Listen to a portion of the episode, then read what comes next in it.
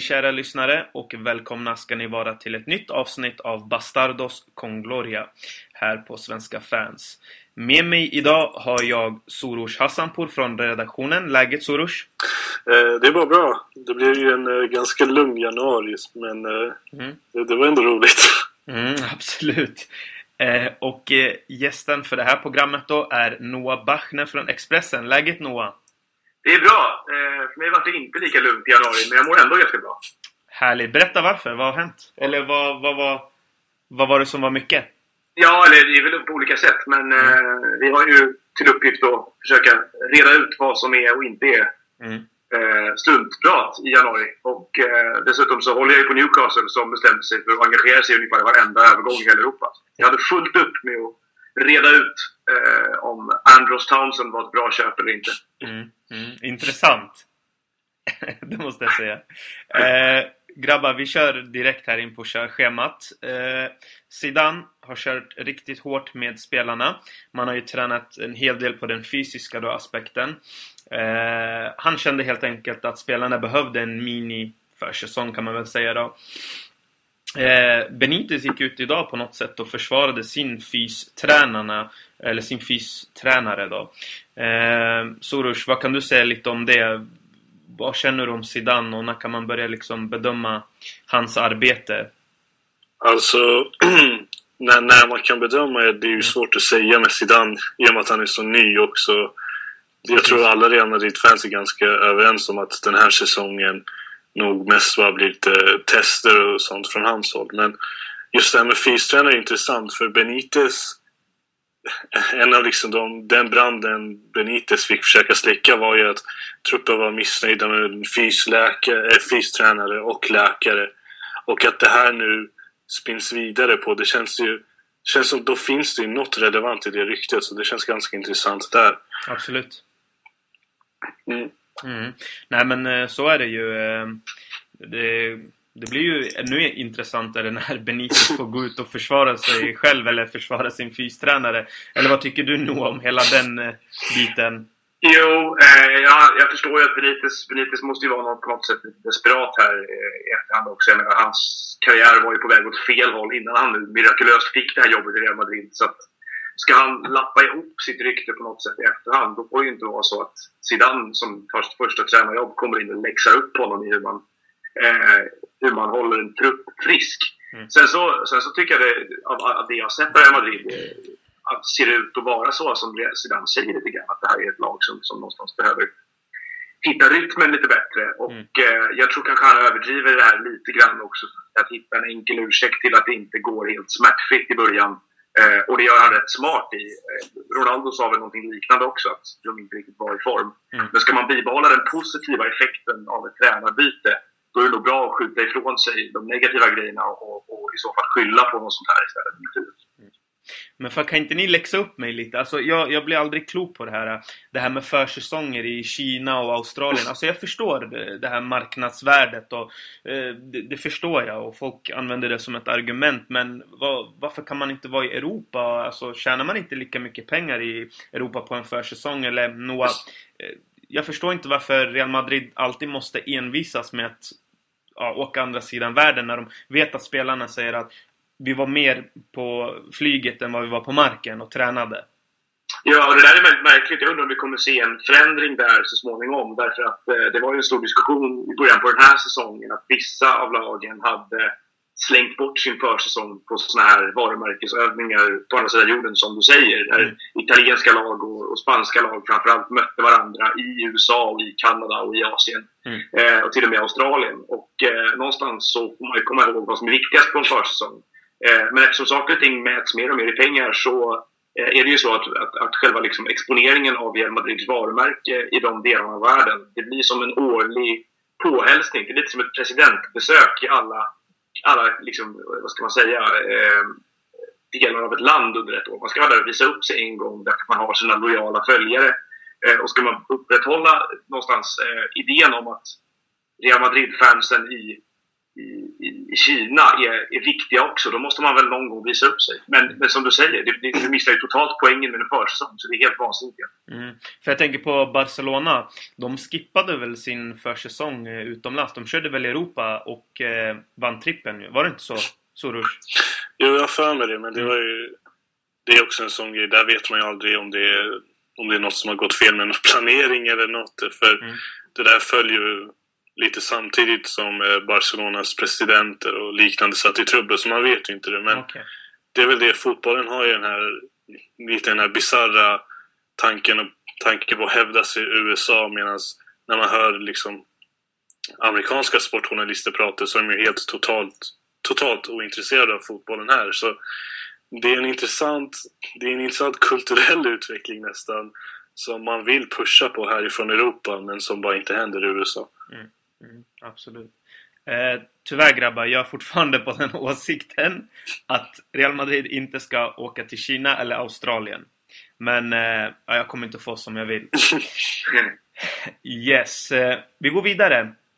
Eh, Noah, vilka skillnader tycker du man har sett nu hittills då under Zidane?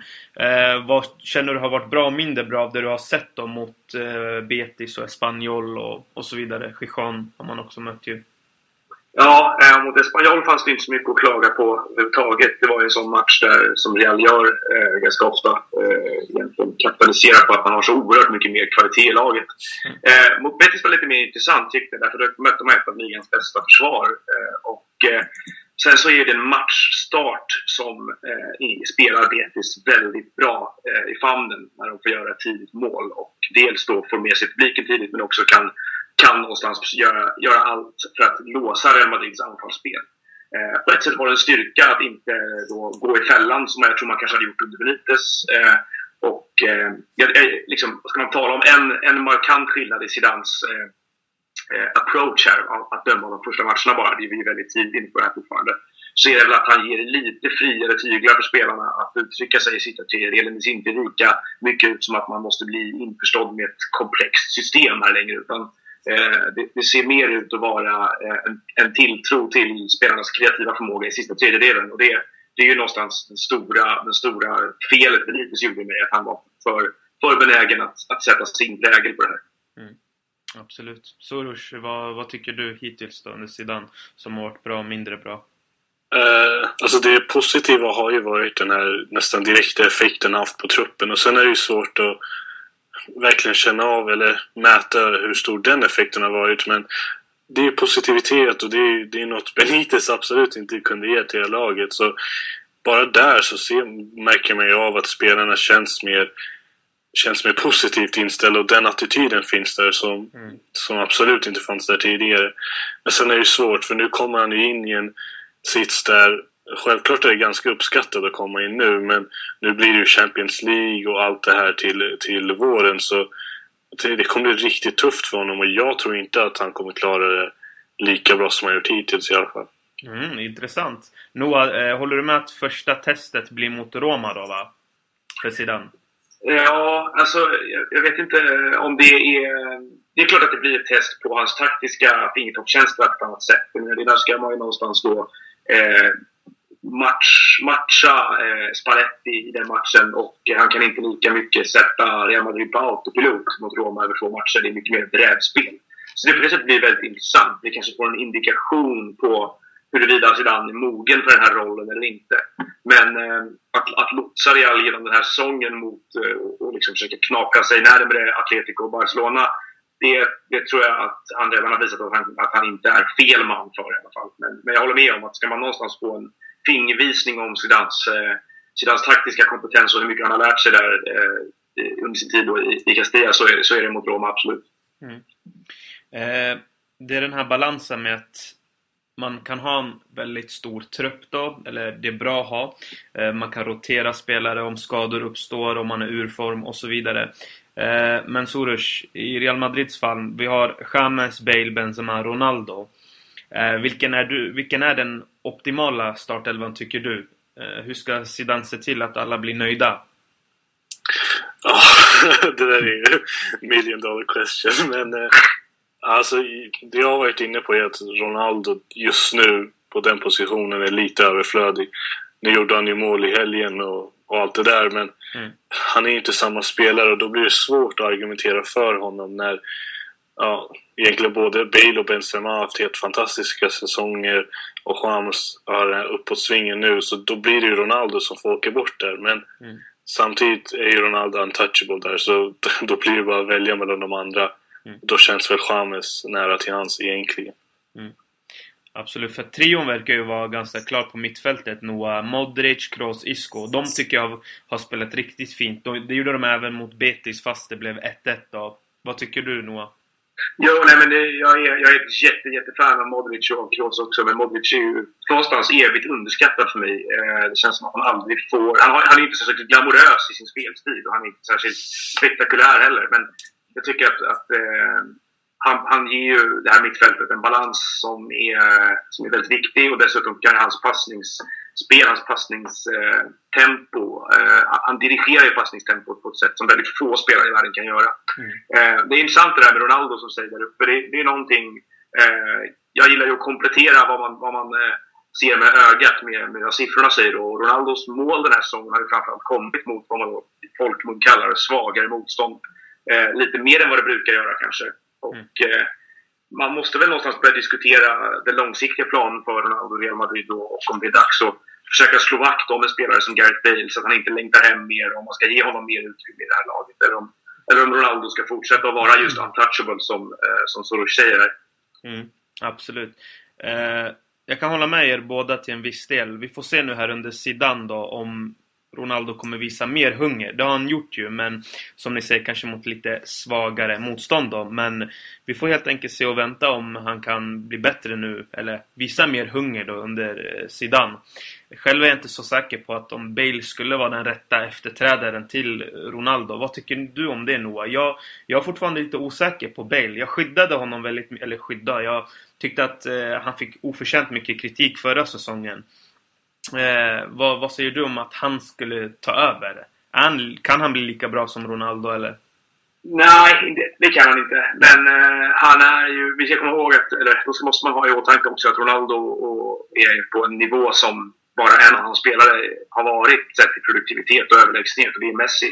Mm. Eh, historien har inte givit oss någon annan spelare med den kalibern. Så att, det, att, att sätta det som Daves måltavla på något sätt blir lite orättvist. Men Bale, Bale har fortfarande en, en, en, liksom ett så otroligt komplett register som offensiv spelare att eh, jag, jag, har svårt att hitta många andra i världen som kombinerar hans fysik med teknik och, och intelligens också och tillslag. Så att, eh, Bale kan nog växa ut till att bli en, en eh, jag tänker liksom då, om vi pratar om Ronaldo, eh, post-Ronaldo-eran här.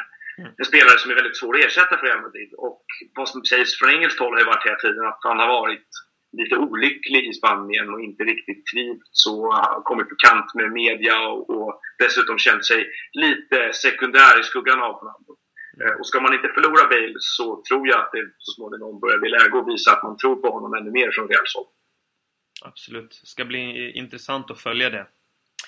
Eh, grabbar, vi går vidare till Mercaton. Vi har en hel del där att snacka om. Eh, Neymar var på rättegång idag. Neymars pappa förnekar att Real Madrid har lagt ett bud på Neymar. Eh, Maradona var ute idag och sa att det inte är troligt att Neymar eh, kommer gå till Real Madrid. Soros, hur troligt är det att vi får se Neymar i en Real Madrid-tröja? Nej men, eh, ja, på tal om det vi var inne på tidigare med transferrykten som var helt plötsligt blir, får liksom cirkulera på nätet och så plötsligt blir det en grej. Mm. För varje gång jag såg det ryktet så bara jag, jag bara hoppade förbi det för det kändes aldrig som något konkret. Men nu verkar det ha blivit en grej av det och det får vi väl fråga Noah om senare. Men mm. jag tror absolut inte att det är troligt. Det, jag, jag vet inte ens varför man skulle hitta på något sånt. Men... Eh, ja, det är väl för att som vanligt eh, Media tjänar väl på det. Jag tror inte heller att det är troligt att det skulle bli någon Figo-såpa igen. Det, det, tror jag inte heller. Eh, på den tiden var Barca ett helt annat... Eh, ja, det var ett helt annat lag. Det var Juan Gaspar som var president för Barcelona och han hade inte en lyckosam era i Barcelona. Eh, de är inte i behov av att sälja till Real Madrid, det tror jag inte. Noah, vad, vad säger du? Vad känner du kring ryktet?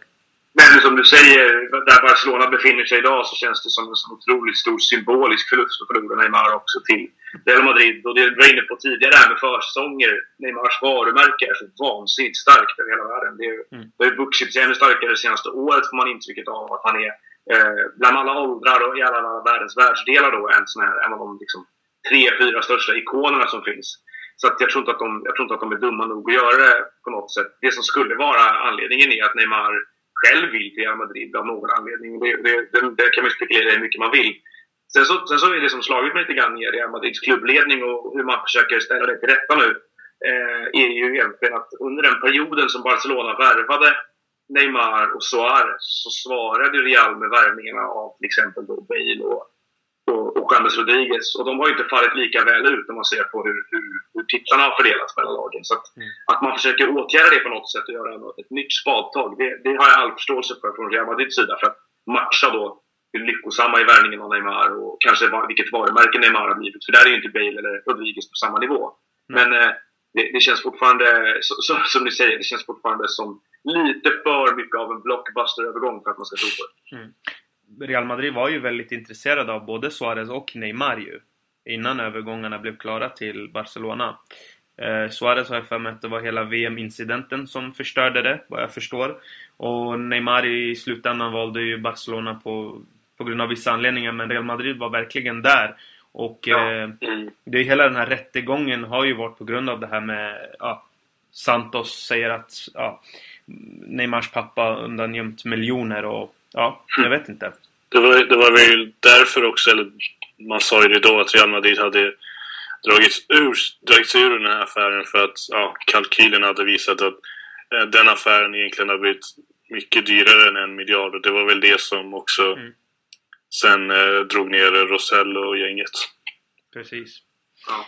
ja, intressant. Eh, vi får se hur det går för Neymar. Eh, Yaya Touré eh, enligt Sporto kan vara på väg till Real Madrid. Och vi ska väl eh, nämna här att Yahya Touré eh, kommer nu antagligen bli tränad, eller kommer bli tränad av Pep Guardiola om Yahya Touré, om Yahya Touré stannar kvar.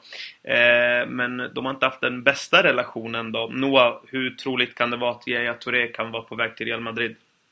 Ja, att han är på väg bort från Manchester City tror jag är väldigt sannolikt. Eh, han var det redan förra säsongen och väldigt många började nästan ta avsked av honom när Premier League slutade förra året. Mm. Eh, att han skulle gå till just Real Madrid eh, låter jag hålla som lite osannolikt därför att det är en spelare som någonstans har passerat bäst före-datum. Även om han absolut är, är, håller världsklass fortfarande så är det, det kommer inte bli mycket bättre än så här och han har lite svårare nu att upprätthålla sin koncentration. Det är ju Tourés stora svaghet här i världen. Mm. Han, är inte, han är inte tillräckligt fokuserad i för långa perioder. Eh, han, han, kommer nog inte stanna under Pep i City. Uh, jag tror att han kommer gå, men jag tror att det är mer sannolikt att han går till Inter som har jagat honom väldigt länge än att han går till eh, Real Madrid. Om han inte går till Kina, vilket det verkar tyckas alla gör nu tiden. Mm, just det. Jackson Martinez, 45 miljoner till, eh, vad var det? Guanze, heter de så? Ja, Guanze, precis. Mm. Jag önskar att Real Madrid kunde göra likadant på, på spelare som har floppat. Ja. Vem, vem, vem skulle du helst sälja till Kina? Uff. Jag, jag, Fauber, Fauber hade ju varit, det hade ju varit legendariskt. Just nu, puff. Jag, jag hatar att vara så direkt och kasta ut spelare och hämta in spelare. Eh, typiskt Real Madrid-filosofi men eh, just, jag känner att Danilo det är en stor besvikelse alltså. Det är 30 miljoner euro för en högerback som inte alls har levererat och dessutom är Dani Carvajal just nu hästlängder före eh, Danilo. Ja, Danilo har varit, har varit eh, hemsk det jag har sett. Ja. Eh, jag trodde aldrig han skulle vara så dålig som han har varit men eh, det, det, har, varit, eh, det har varit en fars. Alltså. Jag förstår mm. inte hur, hur, det, hur det kan falla så fel han är fan brasilianare, så fan har inte de spelförståelse eller? Det ska ju de vara bäst på. Han missar tacklingar. Nej men seriöst. Eh, det hade varit skönt faktiskt att, att få iväg en sån där Kina eh, Kina-affär. Jag menar Atletico, det är ju ett plus för dem. Mm. Eh, sen vet jag inte hur smart det är att bli, göra av sig med en anfallare mitt i en säsong men han har ju varit, Jackson Martinez har ju varit väldigt dålig. Han har ju varit nästan Danilo-dålig om man kan kalla det för det. Mm. Men eh, av deras anfallare så tycker jag att de andra fyra går före så att de hade ju ändå Ja, de har en kanske... god anledning att göra sig av med honom. Mm, precis. Ja, vi får se hur det går för eh, Real Madrid och Kina-affärerna och eh, Yaya Touré då, som vi var inne på. Eh, vi går till en annan eh, spelare i England från Everton, John Stones, sägs vara sugen på att gå till Manchesterlagen än Barcelona och Real Madrid. Eh, jag tycker själv att Pepe har börjat komma till åren då, eller det tycker nog de flesta. Eh, Soros, hur tycker du vi ska ersätta Pepe på bäst, bästa möjliga sätt? Kan John Stones vara en kandidat? Nej, det vet jag. Det får, det får Premier League-experten mm. uttala sig om. För jag är inte tillräckligt mycket av honom, men hela soppan med honom förra året kring flytten till Chelsea och sen hur det inte gick igenom och Chelsea kollapsade och allt det där. Så känns det ju som Premier League-lagen absolut kommer vara på honom och ja, alltså, vi vet ju också hur prislappen då skjuter iväg med engelsmän i, i Premier League. Så om man, om man tittar på från perspektivet liksom som säljare så är det väl smartast att skicka iväg dem till Manchester där prislappen nog också springer ifrån ganska snabbt tänker jag mig. Mm. Vad, men vad tycker du då om just då att ersätta Pepe då? Hur ska vi göra det? Vem, vem, vem skulle du kunna se som en kandidat? Det har snackats en del lite om Marquinhos också. Jo, men det är ju... Men då är inte... Pepe, Pepes status i, i truppen idag är väl ändå tredje, tredje försvararen. Så mm. Marquinhos skulle väl... Skulle jag väl ändå kanske vilja slänga in efter Ramos om det nu... Om det nu så... Om han håller upp den här formen. Men... Ah, jag, jag tycker Nacho, Nacho som vi har i truppen idag funkar tillräckligt bra för att ha. Men, eh, ja, men sen, sen just... Det är ju Real Madrids signum liksom och köpa startelv, spelare som är redo för startelva men slänga på bänken. Så då passar Marquinhos. Ja, Real Madrid har en tendens på det, ja. det vet vi. Eh, Noah, eh, John Stones, eh, vad säger du? Vad, vad tror du? Eh, och Pepe, eh, hur, hur ska Real Madrid bäst ersätta honom? Ja, John Stones är ju en gåta för närvarande. Men det är väldigt svårt att bedöma hur hans utveckling ser ut. Han spelar i ett Everton som är på väg mot någon typ av självdestruktion. Och eh, han har en tränare som har ett uselt facit med unga försvarsspelare i Roberto Martinez. Så att John Stones har byggts upp till en blivande världsklassförsvarare av Martinez och av engelsk press. Men den här säsongen har vi sett väldigt lite av det skulle jag säga. Mm. Eh, så att, eh, att han skulle kliva rakt in i Real Madrid efter vad han har ställt till med Everton den här säsongen, det håller jag som väldigt osannolikt. Mm. Eh, då tycker jag att Marquinhos snarare som ersättare för PP är en mycket mer eh, liksom, intressant och, och, och trovärdig spelare att ta in. Han har ju presterat på ganska hög nivå trots sin ringa ålder och eh, har ju hamnat lite liksom, på kant i PSG. Han, får, han borde, det är en spelare som absolut ska spela ordinarie i ett av Europas bästa lag. Mm. Eh, så att, eh, jag, skulle, jag skulle välja Marquinhos före Stones för jag tror att de skulle kosta ungefär lika mycket även om Stones kommer från zon. Mm. Och det blir svårt alltid att tävla med de här Manchester-lagen. Alltså, på något sätt, eh, när vi spelade in en podd i somras, då sa Adam Nilsson från Fotbollskanalen en väldigt bra sak. Och det är ju det här att lagen vet ju att United betalar överpris. Alltså de vet det i princip och det blir svårt att tävla mot just Manchester United. Jo, ja. de, de, de har ju, alltså det som, det som har börjat hända nu, framförallt hänt senaste året, det är ju att de engelska lagen har en sån oerhörd relativ köpkraft jämfört med Europa och, och eh, framförallt de största klubbarna då. Och de, dessutom så, eh, så vet de att, eh, att vad, som, vad John Stones representerar för Manchester United representerar han inte för Real Madrid och därför blir det väldigt mycket svårare att, eh, att, eh, att matcha de buden. Folk skulle ju höja på ögonbrynen om Real Madrid betalade samma pengar för en engelsk spelare som, som de engelska lagen gör. Mm. Eh, på temat John Stones och engelska mittbackar till Real Madrid så är jag ju förvånad om man någonsin vågar titta ditåt igen efter köpet av Jonathan Woodgate från Newcastle. Eh, som, som ju inte bara förstörde Newcastles defensiv för alltid utan sen även förstörde Woodgates karriär. Och Real Madrids defensiv under en kort period. Hur, hur, mycket, hur många matcher spelade han i Real Madrid, Soros? Tre? Nej, det måste vara Ja, tre. Han fick rött kort i första matchen, kommer jag ihåg. ja, det kommer jag ihåg också. Det, det är helt sjukt. ja, eh, jag håller med er grabbar. Eh, vi, Real Madrid bör akta sig för brittiska spelare och eh, ja, mittbackar, som du säger Noah. Speciellt som kommer från Newcastle då va? Ja, de behöver ni inte kolla på nio, nio matcher blev det. Nio på, matcher? På tre år. Grymt. Eh, tragiskt. Ja, verkligen tragiskt. Vi går vidare grabbar. Eh, Lewandowski, det är så mycket tjat om honom. Eh, är han bättre än Benzema Noah? Vad tycker du om man jämför dem? På helt olika so saker är de ju bra tycker jag. Eh, mm. Jag håller ju Benzema som eh, på ett sätt underskattad, på ett sätt överskattad. För mig är han en liten gåta fortfarande. Han, är, han, är, han har ju kvaliteter som ibland inte syns i statistiken. Och man tittar man däremot på hans, eh, på hans målfacit så är det inte alltid så himla imponerande tycker jag. Med tanke på att han spelat i ett, i ett så pass bra lag som Real Madrid hela sin karriär nästan. Mm. Eh, Lewandowski tvärtom. Han tillför inte så mycket mer än att vara en, en killer i boxen och eh, är ju kanske bäst i Europa på just det momentet. Mm. Eh, jag vet inte på vilken fotboll Real Madrid ska spela. Ska man använda Eh, Benzema, eller sin centrala forward som använder Benzema nu, med lite mer länk också, då, då tycker jag att Benzema håller håller bättre för det än Lewandowski. Ska man däremot gå över till, till en annan typ av fotboll och, och, och kapitalisera på lite högre press ju, som, som Lewandowski är van vid både från Dortmund och från Bayern München så, så passar Lewandowski bättre där. Jag tycker inte att det är ett nödvändigt byte för det. Vad säger du Soros om eh, det här ämnet? Eh, förresten vill jag bara nämna också Soros att eh, Borja Majoral till exempel från akademin förlängde sitt kontrakt. Kan det vara någon backup till Benzema än att man ska byta ut honom mot Lewandowski? Alltså som backup borde han ju klara sig, men det är just det att kraven är ju så, eller förväntningen är så fruktansvärt höga i Real Madrid så man har ju inte råd att man har inte råd som yngling att göra några misstag egentligen. Kolla på Morata som ändå höll ganska hygglig nivå och fick liksom, han fick inte den tiden han behövde och så fick han lämna. Mm. Så Morata är väl nära till hans men han trivs ju ganska bra i Juventus så det tror jag inte händer där heller. Men just Benzema Lewandowski, det är också som Noah är inne på så beror ju på vilken typ av spelare Madrid vill ha och det, det tror jag jag förknippar i alla fall ganska nära med hur det blir med Ronaldo. Om Ronaldo lämnar då kan jag absolut tänka mig att Benzema kliver fram och gör just de, de siffrorna man vill ha från honom. Men mm. det blir så svårt att just det blir svårt att värdera allt det här för man, man vet inte egentligen vilken effekt Ronaldo har. Så ja, det, det, blir, det, blir, det blir väldigt svårt där.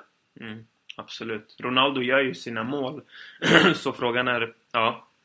Men vad kommer krävas då Noah för att Lewandowski ska till Real Madrid tror du? Ja, han har ju själv eh, varit lite flörtig med Real i, i media det senaste halvåret. Så mm. att, han själv kan tänka sig att prova det, det tror jag man inte ska räkna ut. Dessutom så är det fortfarande så att, att spela i Real Madrid det representerar en typ av prestige för väldigt många spelare i Europa. Även om Bayern München är, eh, är en, en klubb av, i mitt tycke, liknande storlek. Det är ju tre lag i Europa som är, som är på en helt egen nivå. Men just Real har ju, har ju varit många spelares dröm under så lång tid. Så att det är, löner, spel, eh, du kan liksom ibland tycka stryka många av de här vanliga aspekterna. För att när Real Madrid kommer in i bilden så, så blir folk lite blinda. Och eh, just därför så tror jag att de har alla, alla chanser i världen att locka en spelare som Lewandowski. Eh, lite beroende också på hur, han, hur Carlo Ancelotti vill, vill göra när han kommer till Bayern. Han har ju inte för vana, Ancelotti, att förändra särskilt mycket saker överhuvudtaget. Så därför skulle jag liksom, skulle förvåna mig om, han, om man, liksom, man skeppade iväg Lewandowski på hans inrådan. Men eh, Lewandowskis vilja är nog stark och eh, betydelsefull i det här. Så att om han vill till Real så förväntar jag mig att se honom mm, Absolut. Eh, Soros, eh, vad tror du? Blir det Lewandowski till slut? Nej, jag tror det. Eller ja, det, det blir väl det. Och, eh, men det är ju det, Real Madrid har den här tendensen att de väntar till, till mästerskapet under sommaren och sen ja, så räcker det egentligen bara med liksom tre ganska ögonfallande mål från Lewandowski så är prislappen där Bayern vill att den ska vara. Så det, det kan förändras väldigt snabbt. Och jag vågar egentligen uttala mig om det, men jag tror det blir Lewandowski och någon, någon form av prestigevärvning från Bayern för att visa att man fortfarande har de där musklerna. Vilken grupp hamnar Polen i? Vet ni det? Uh. Englands grupp? Nej, jag är fel då. Mm. Det beror på. Om, om det är en lätt grupp, då säger jag att Lewandowski går till Real Madrid. är det en svår grupp, då går han inte till Real Madrid. Men frågan om Benzema, frågan om Benzema kommer vara med i EM, det är ju en bra fråga. Eh, eh, Polen spelar med Ukraina, Tyskland och Nordirland säger jag. Okej. Okay. Ja, halvsvår grupp skulle jag väl ändå säga. Ja, det är det. Ja, får man väl ändå säga. Eh, jag tror så här. Jag tror att det kommer avgöras på... Eh, det kommer handla mycket om Ronaldo, som ni säger. Eh, och sen dels eh, Benzemas rättegång. Alltså jag vet inte hur säkert det är att han klarar sig. Nu säger alla att han är en stjärna. Eh, stjärnor kommer alltid undan med böter och så vidare. Jag vet inte. Vi får se hur hans rättegång går. Eh, annars är ju Florentino Perez ett stort fan av Benzema. Men han är också ett stort fan av att vara ja, Fifa 16 Ultimate Team-lirare. så eh, ja, någonstans så är jag där. Det kommer falla på små faktorer, skulle jag säga. Så han är inte långt borta. Det är han inte. Eh, vi stänger Mercaton grabbar, vad tycker ni? Vi har ju snackat nu en hel del, eller hur? Ja, vi kan stänga den för min del. Ja.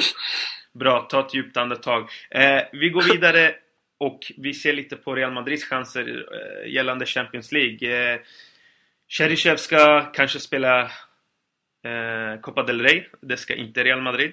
Eh, Real Madrid är sju poäng eh, efter Barcelona va?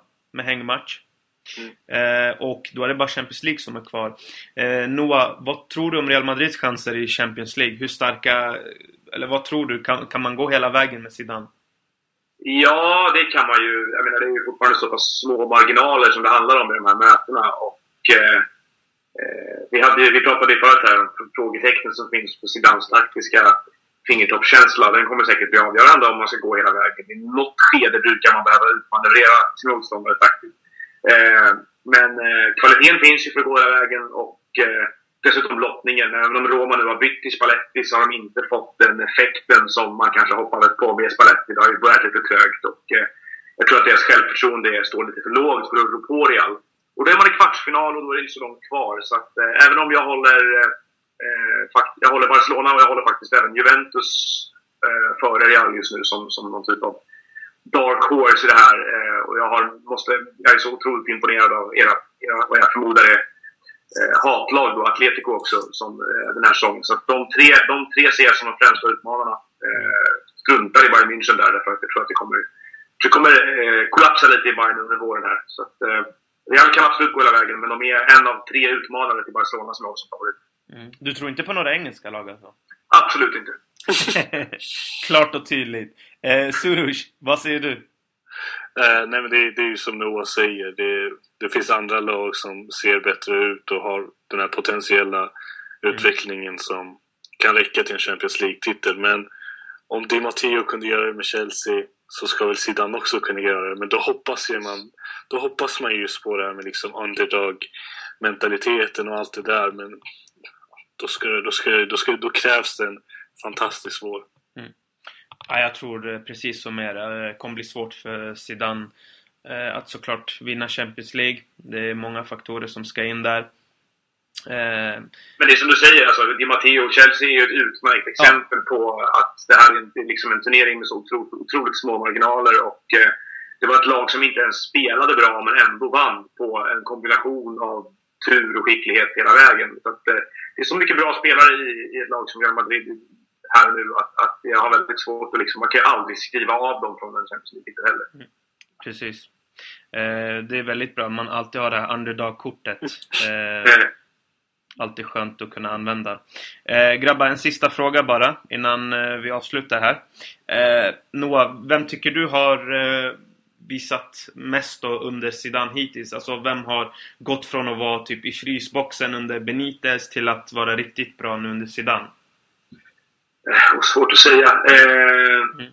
Frysboxen är kanske fel ord att använda, men mm. Bale såg ju väldigt sprallig ut här i de första matcherna om jag inte har eh, missuppfattat saker och ting helt och hållet. Eh, sen så mot, mot Betis så tyckte jag Benzema såg väldigt bra ut också. Överhuvudtaget, jag, jag har svårt att peka ut en enkel spelare för att jag hade, jag, jag hade märke till Madrid som lag dessförinnan. Ni tittar säkert mycket mer på individer men mm. det ser ju lyckligare ut på planen och en av de som ser mest lycklig ut just nu det är Gareth. Mm. Vad säger du Soros?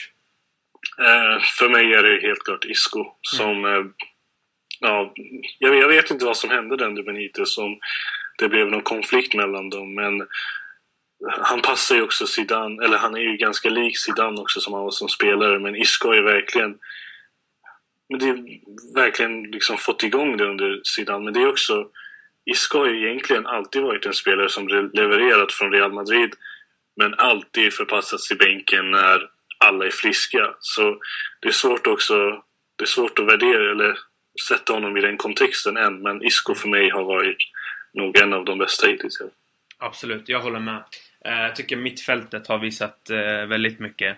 Eh, Kroos har höjt sig, Isco, det är givet. Även Modric tycker jag till en viss mån. Han var, han var helt okej okay under Benitez men inte mer. Under Zidane har han visat betydligt mycket mer. Eh, så nästan hela laget har visat mer men specifikt tycker jag mittfältet har visat fina takter. Eh, och jag tror vi kommer få se betydligt mer av Isco. Absolut. Och så instämma i Isco också. Jag, tänkte inte på honom tidigare där. Det är ju en spelare som man har väntat på att se mer och bättre av. Eh, och, mm. och det har varit skönt att göra det någonstans. Jag som är neutral också. Man vill ju man vill ju att bra spelare ska, ska spela bra fotboll och han har verkligen sett mycket piggare ut senaste matchen. Absolut, absolut. Yes grabbar, då var vi väl klara för den här gången. Vad tycker ni?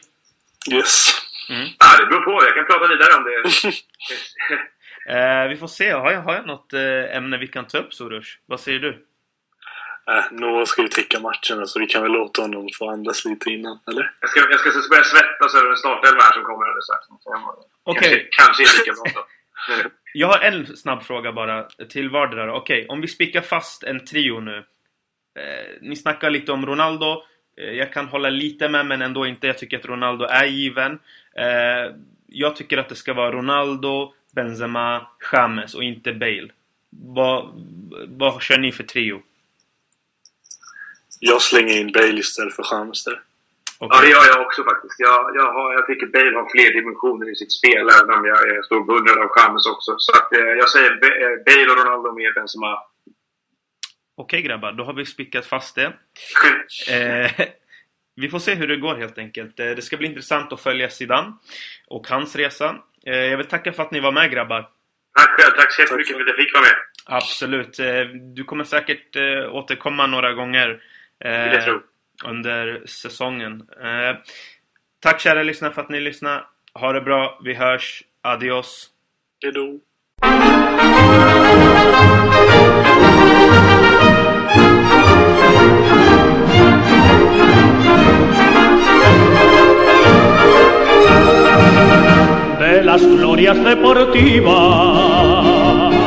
Que campean por España.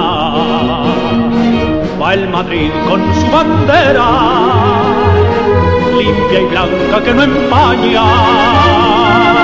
Club castizo y generoso, todo nervio y corazón Veteranos y noveles, veteranos y noveles miran siempre sus laureles con respeto y emoción. A la Madrid, a la Madrid, noble y bélico Atalid, caballero del honor. A la Madrid, a la Madrid, a triunfar en buena lid, defendiendo tu color. A la Madrid, a la Madrid, a la Madrid. A la Madrid, a la Madrid. No te el Guadalí, caballero del honor. A la Madrid, a la Madrid, a la Madrid.